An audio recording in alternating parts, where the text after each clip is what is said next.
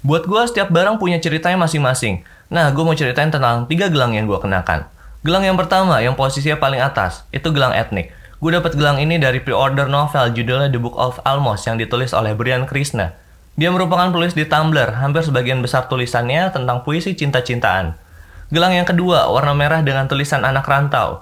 Gelang ini dikasih sama mbak gua. Gelang ini didapat dari novel judulnya Anak Rantau yang ditulis oleh Ahmad Fuadi. Kalau kalian nggak tahu siapa dia, dia adalah penulis novel Negeri Lima Menara. Gelang yang ketiga, pemberian dari Kanadia, salah satu co-founder Daur Bunga. Sepulangnya dari Vietnam, Kanadia ngajak ketemu buat ngasih gelang yang hijau ini sekaligus ngobrolin tentang daur bunga. Karena dia juga pakai gelang yang sama, beda dia pakai di pergelangan kaki. Sayangnya, tugas si gelang untuk nemenin Kanadia udah selesai. Makanya si gelang itu putus. Menurut gua, setiap barang itu punya tugasnya masing-masing untuk nemenin kita. Kalau tugasnya udah selesai, barang-barang itu akan rusak atau hilang dengan sendirinya. Iya nggak sih?